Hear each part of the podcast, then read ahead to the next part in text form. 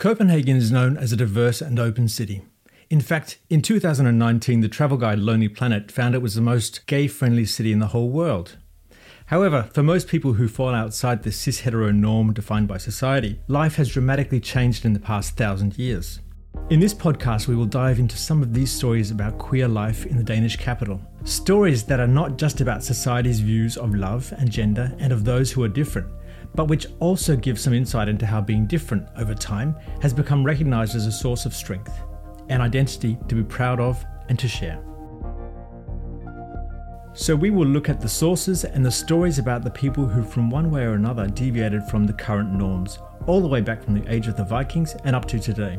Stories about being outside the norm, about the right to love, and about the various circumstances that influence the expression of love and gender throughout the ages. You are listening to the Museum of Copenhagen's podcast, Queer in Copenhagen Through a Thousand Years. The patriarchal order has permeated history. The people who wrote the history centered it on themselves, and so we know a fair bit about heterosexual men's sexuality, but less about other people's sexuality. That was the ethnologist Inger Wine. In 2009, she worked with Jens Pedersen on the exhibition As I Am at the Museum of Copenhagen. Men, of course, are the ones who through the ages have had the power to lay down the social order with both norms and criteria for right and wrong. And it's in the Bible, this establishment of a system which is then subsequently carried out in law. But if you look at what is actually written about life throughout history, you can interpret and understand history, especially the bits about the diverse lives of people, in a different way.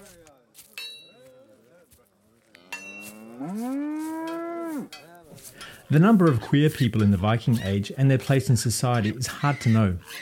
As a matter of fact, much about this period is unknown. Some of the earliest written records available about this period are the Icelandic sagas, and even they were committed to writing in medieval times, about 300 years after the Viking Age, which ended in the mid 11th century.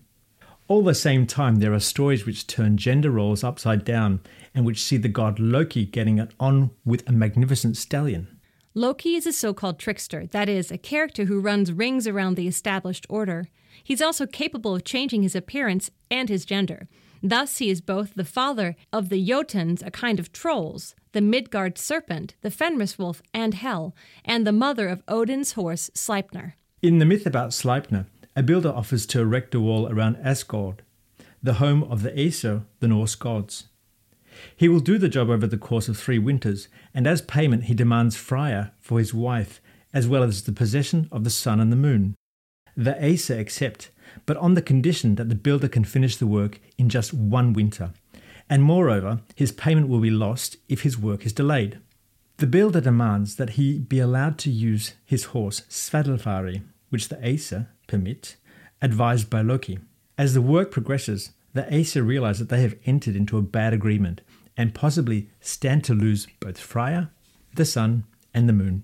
The work continues remarkably quickly, and three days before the end of the winter, the Aesir ask Loki to make up for his bad advice by preventing the builder from finishing.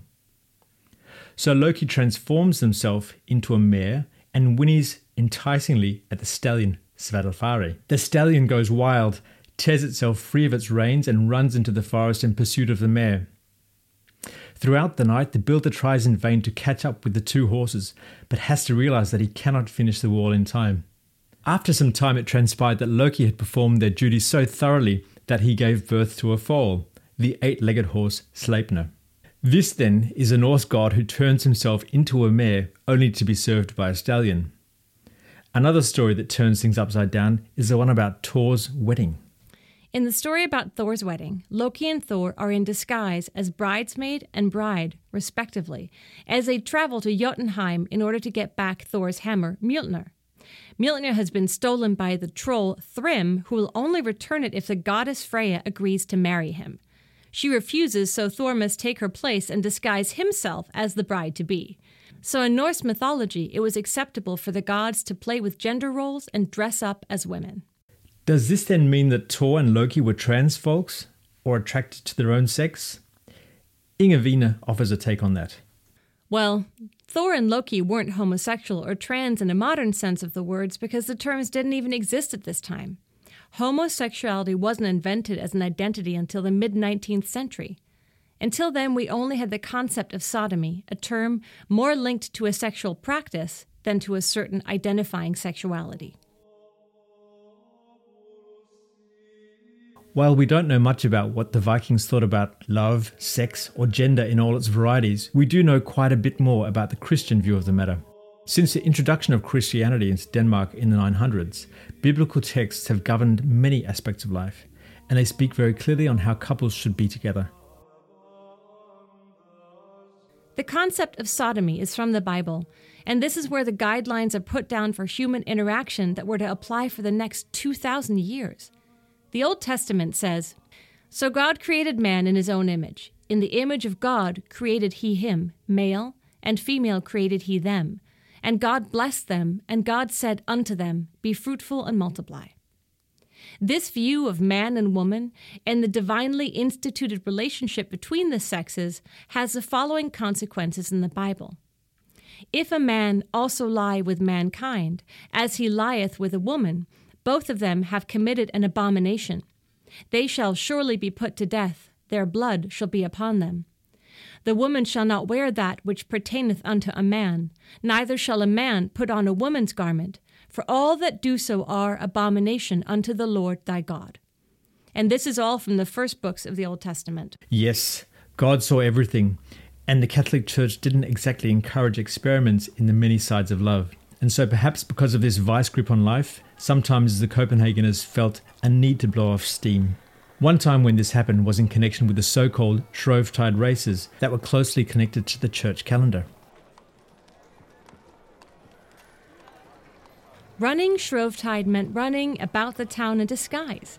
Now, as then, this was an opportunity to do what you wanted to do or what wasn't allowed. One type of disguise might be for men to wear women's clothes and women wear men's clothes.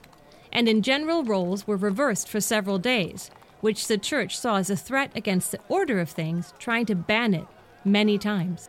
Contrary to what many might assume, the Protestant Reformation led by Martin Luther actually tightened the religious hold on citizens, also in Denmark. When Catholicism was abandoned in 1523, this also meant that free spaces for the citizens of Copenhagen narrowed in when an even stricter regime emerged. Reformation also meant reverting to the Bible as the original source for a godly life and divest from Catholic traditions. If you look at these statements from around the time of the Reformation, they are no milder than the original Bible, which is where the principles come from. I mean, it was spelled out in no uncertain terms that any sexual activity belonged strictly between a man and a woman in the matrimonial bed, aimed at procreation. 1683 sees a publication of the Danish Code and the entire foundation from the Bible. Post Reformation is included in this law, which is legally binding for the whole country. One thing it emphasized is that the marriage between a man and a woman was the basis for society, and any and all relations outside marriage were strictly illegal. In Book 6, you can read about sodomy. Intercourse, which is against nature and is punishable by fire. So you were executed burnt alive on the stake. This vice grip on the Copenhageners' love lives may be one of the reasons we have no sources about people who are different from the Middle Ages and the Renaissance, because offending against the holy laws of the Bible could endanger your life, and moreover, the source material about everyday life from this time is generally very scarce. How ordinary people handled all these rules and regulations, we know very little about as there are no written sources about how the general population viewed these biblical and legal laws. But we do know a bit more as we get into the 18th century. More written sources have survived from this time. There is a judgment book from a case where a woman acted like a man. Her name is Cecil Andersdatter, and in fact, she performs this act so convincingly that she marries another woman called Bodil Marie. They are married in the church of St. Nikolai in 1715. They live as a married couple for 13 or 14 years, after which their marriage dissolves as Bodil Marie wants a divorce. At the time, you could not get a divorce unless you could prove your spouse had been missing for five years without any signs of life. So the matter came before the courts to settle whether they could be granted a divorce. Bodil Marie's argument was that Sissel Andersdatter wasn't a real man. The court then tries to discover why Sissel Andersdatter ever posed as a man. Therefore, they ask the city doctor and two midwives to examine her to ascertain whether she is in fact a woman. The doctor is satisfied that she is indeed a woman, and I quote from his writing This person is in all respects a complete woman. Nothing is missing, and nothing is spare. Nothing is there that ought not to be there. Furthermore, she confesses to having borne a child. She also relates to having used a cow's horn when passing water in order to hide her pretension of being a man. So she could stand up and pee next to other men without them realizing she was a woman. The doctor then asks her whether the cow's horn has been used as an instrument in other illegal uses. Cecil Andersdatter denies this, and therefore the judgment is less severe than it might have been. An important point in this case is the judge's interest in this cow's horn and what it has been used for besides peeing through. They are very focused on it because in this period, sex without a penis was inconceivable. So if this cow's horn had been employed as a penis, they might be able to understand. But two women together sexually without a penis like object was beyond their understanding, and therefore these two women are never condemned for sodomy. The entire case is a classic example of the view that sex, that it could only take place if a penis was involved. Maybe that is why women were able to fly under the radar in regard to accusations of unnatural sexual relations. As far as I'm able to read from the judgment books, Bodil Marie wants a divorce because she would like to marry a real man. In order to do so, she needs a divorce, and to justify her divorce, she argues that her current husband is not a real man. This is also why the case even sees the light of day. They had been living together for 10, 15 years as a man and wife without anyone realizing, and Cecil Andersdatter had a job in the Navy without being discovered. But why did they marry in the first place? We need to add the piece of information that Bodil Marie had been pregnant with an illegitimate child, and Cecil Andersdatter helped her out by marrying her so the child could be legitimate. The question is whether the two women were lovers or merely got married for practical reasons. The fact that many men use their penis to have sex is no secret, and in the mid 19th century, an actual gay scene is emerging in Copenhagen. During that time, a striking change is seen in the attitude to people attracted to their own sex, and the term homosexuality begins to be used by medical science. However, the focus is still only on men. Women having sex with women, it was still hard to imagine for doctors of the day all men, of course. With the scientific view on the matter, homosexuality goes from being regarded as a deliberately sinful act to being either a perversion developed through seduction or seen as an innate sickness. This has the advantage that now homosexuals can create an identity based on their desires and feelings, as well as the disadvantage that certain forms of love and desire are now perceived as a mental abnormality, a view that for many years to come colours society's attitudes to those that fall outside of the majority in matters of love and identity. The same period sees a conceptualization or naming of both male and female homosexuals. In 1855, the Danish word bøsse is used for the first time as slang for a homosexual man in a magazine called The Owl and in 1878 the word lesbian is used for the first time in Denmark as a description of a homosexual woman. Until this time in Danish history, what was described as immoral sexual conduct was punishable by death. But in 1866, the law is relaxed to only give a prison term. It's hard to know whether this is the reason that the same period sees stories of men who meet up on Copenhagen's old ramparts, but for sure, things are beginning to happen, especially in the area around Ørstedsparken. Having until then been surrounded by ramparts, in 1852 to 1856, Copenhagen has these fortifications demolished.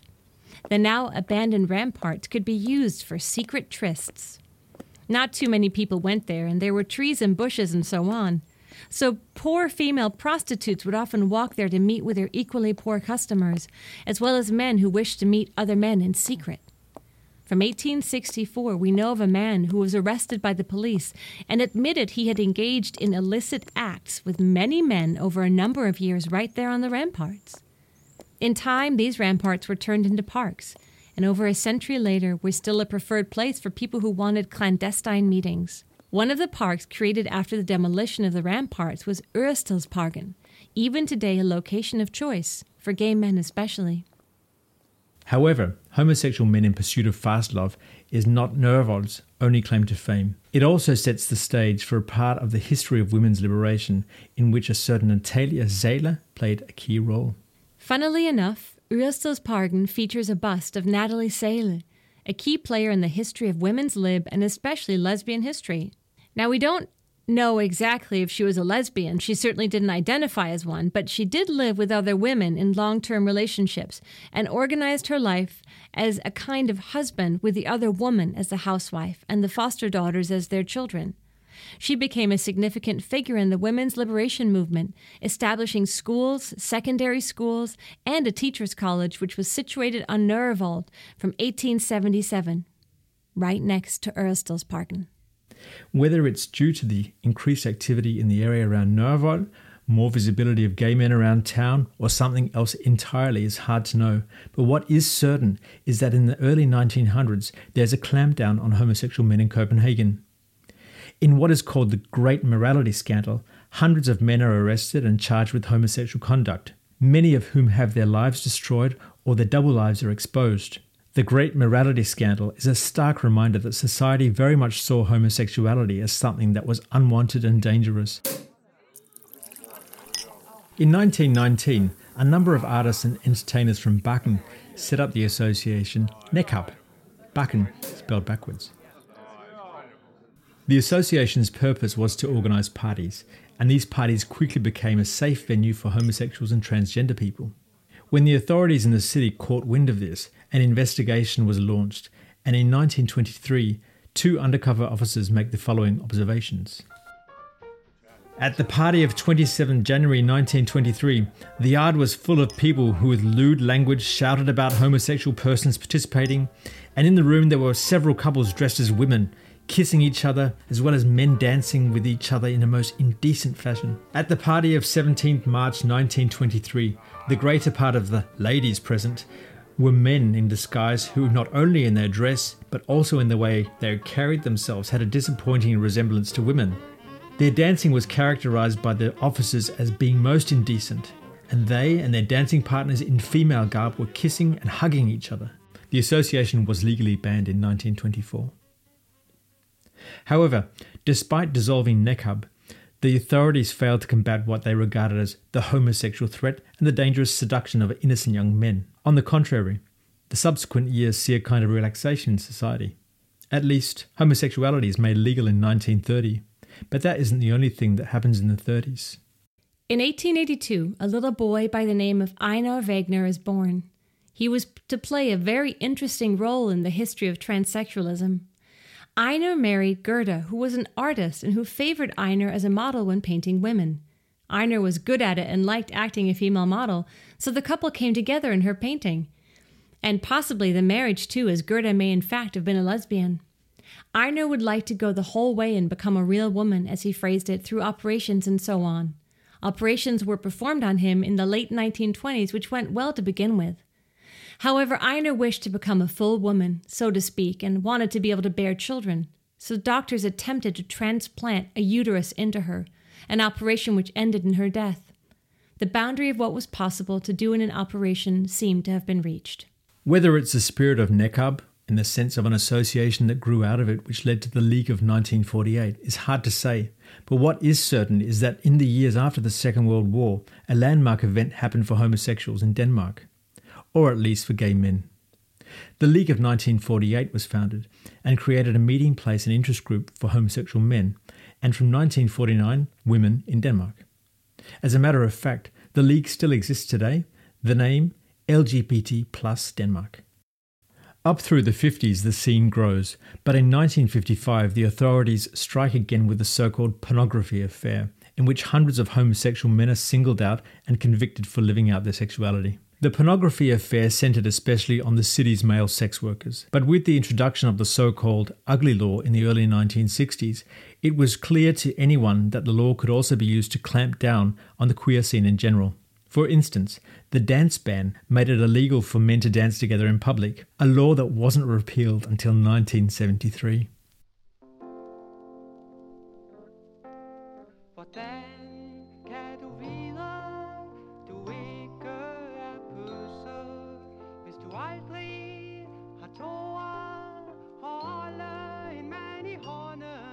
When we got to the 1970s, there are massive changes in many areas of society. Countercultures sprang up, there were slum clearances, squatters, the nuclear family was under pressure, and at this time, the Free City Christiania came into being. There was uproar and resistance against the established societal order. In our area, things were happening too, such as the Gay Liberation Front in the 1970s, a group which opposed the League of 1948, who they thought were petit bourgeois and too conservative. So the Gay Liberation Front came out as an independent organization, establishing the Gay House in Christiania. In the Gay House, loads of activities were arranged street theater and theater inside the house where norms were turned upside down, much like the Shrovetide races hundreds of years before. The 1970s is a decade characterized by upheaval, rethinking, and activism, which is also evident in the city's queer milieu. 1974 sees the launch of the lesbian movement, which together with the Red Stocking organises things like women's camps on the island of Femø.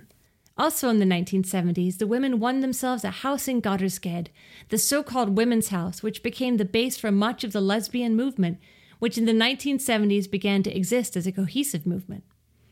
Out of this movement, the famous women's camp, the Femø Camp, grew, the one women's camp that is still going strong today. The activist 70s is also the time of the first Pride. Now, it wasn't called Pride at the time. The forerunner for Pride was a gathering in Copenhagen that marked an important event that took place on the other side of the Atlantic two years earlier the so called Stonewall riots. In 1969, a number of spontaneous protests took place in New York City by the city's queer community. The protests emerged as a reaction to a large scale and very violent raid on the gay bar, the Stonewall Inn. This led to the first Pride Parade in New York City in 1969 and the birth of the Global Pride Movement. Since 1971, this has been commemorated with demos in Copenhagen, and in 1996, these demos globally became Pride, with the first Copenhagen Pride Parade marching as Copenhagen Pride, and which in 2021 will be greater than ever before. The 70s, then, is a decade characterized by activism and visibility, unification, and the fight for acceptance an energy that is carried into the 80s until the sudden and unexpected arrival of a dark period for especially gay men, the AIDS epidemic. But the 80s are about more things than just AIDS. There are bright spots too.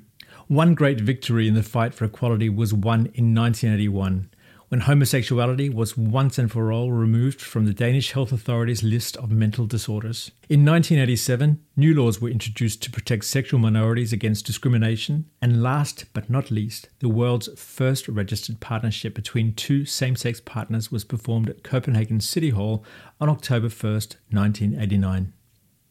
The 1990s is the decade when the identity movements begin to form, and a time when not only acceptance but most of all, equality and equal rights for all, regardless of sexual orientation, gender identity, gender representation, or other intersectional minority statuses becomes the focus.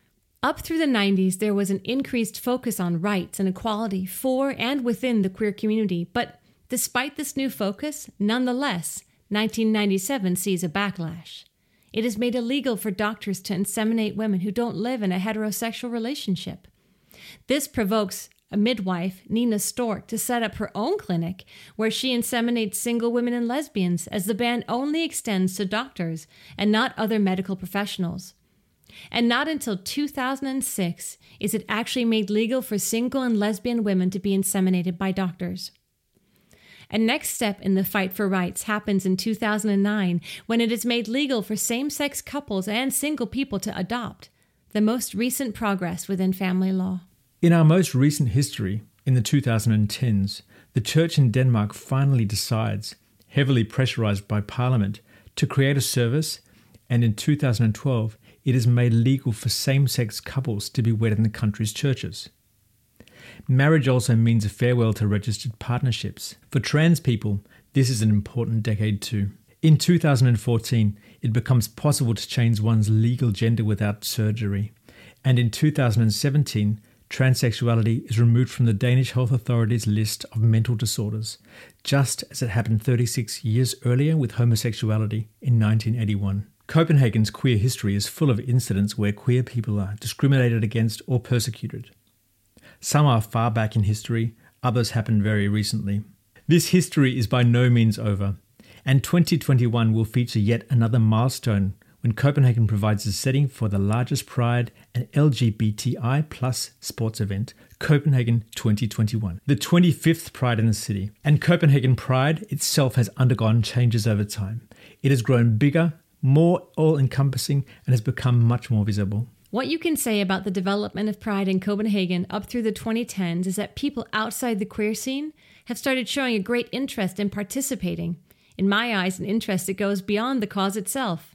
I mean, today you can't go to a Pride demo without seeing a truck full of politicians from the city council or the government, and in business as well, it's a huge advantage to companies to actively show their support, which goes to show how popular the Pride and its values have become.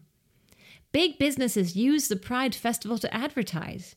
You may disagree with that, but it's a good thing if companies and politicians remember to commit themselves to these values and causes. But what does the future hold for Queer Copenhagen? And if we look beyond the borders of Copenhagen and Denmark, what does the world look like?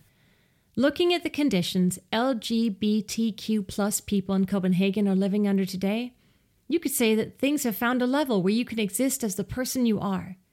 But if you cast your glance into the rest of the world and even within Europe, you'll find an organized movement aimed at exposing LGBTQ plus people as undesirable. And if you go to Africa and many other places around the world, the situation is even worse. There are still countries where homosexuality is punishable by death. So the situation has improved massively in Denmark and most countries in Europe, and we now have a Copenhagen Pride that includes anyone and everyone. It is visited by many people from all over the world, many of whom live a vastly different reality to the one that exists in this country, and in Copenhagen especially. Copenhagen 2021 will welcome people from all over the world, and as different as people are, just as great a difference exists in the rights and conditions different people enjoy. The history of life as a queer person in Copenhagen over the last thousand years has offered both joy, sorrow, progress, and setbacks, and it serves as a reminder that around the world there are still plenty of people who suffer under discrimination and every day have to fight for their rights, but that change is possible. The world in 2021 counts people who must live hidden in fear of prison sentences and persecution, but also people who unite in the belief in a society that includes and respects diversity and equal rights for all, regardless of who they are. Many thanks to ethnologist Inge Wiener. Thank you for listening.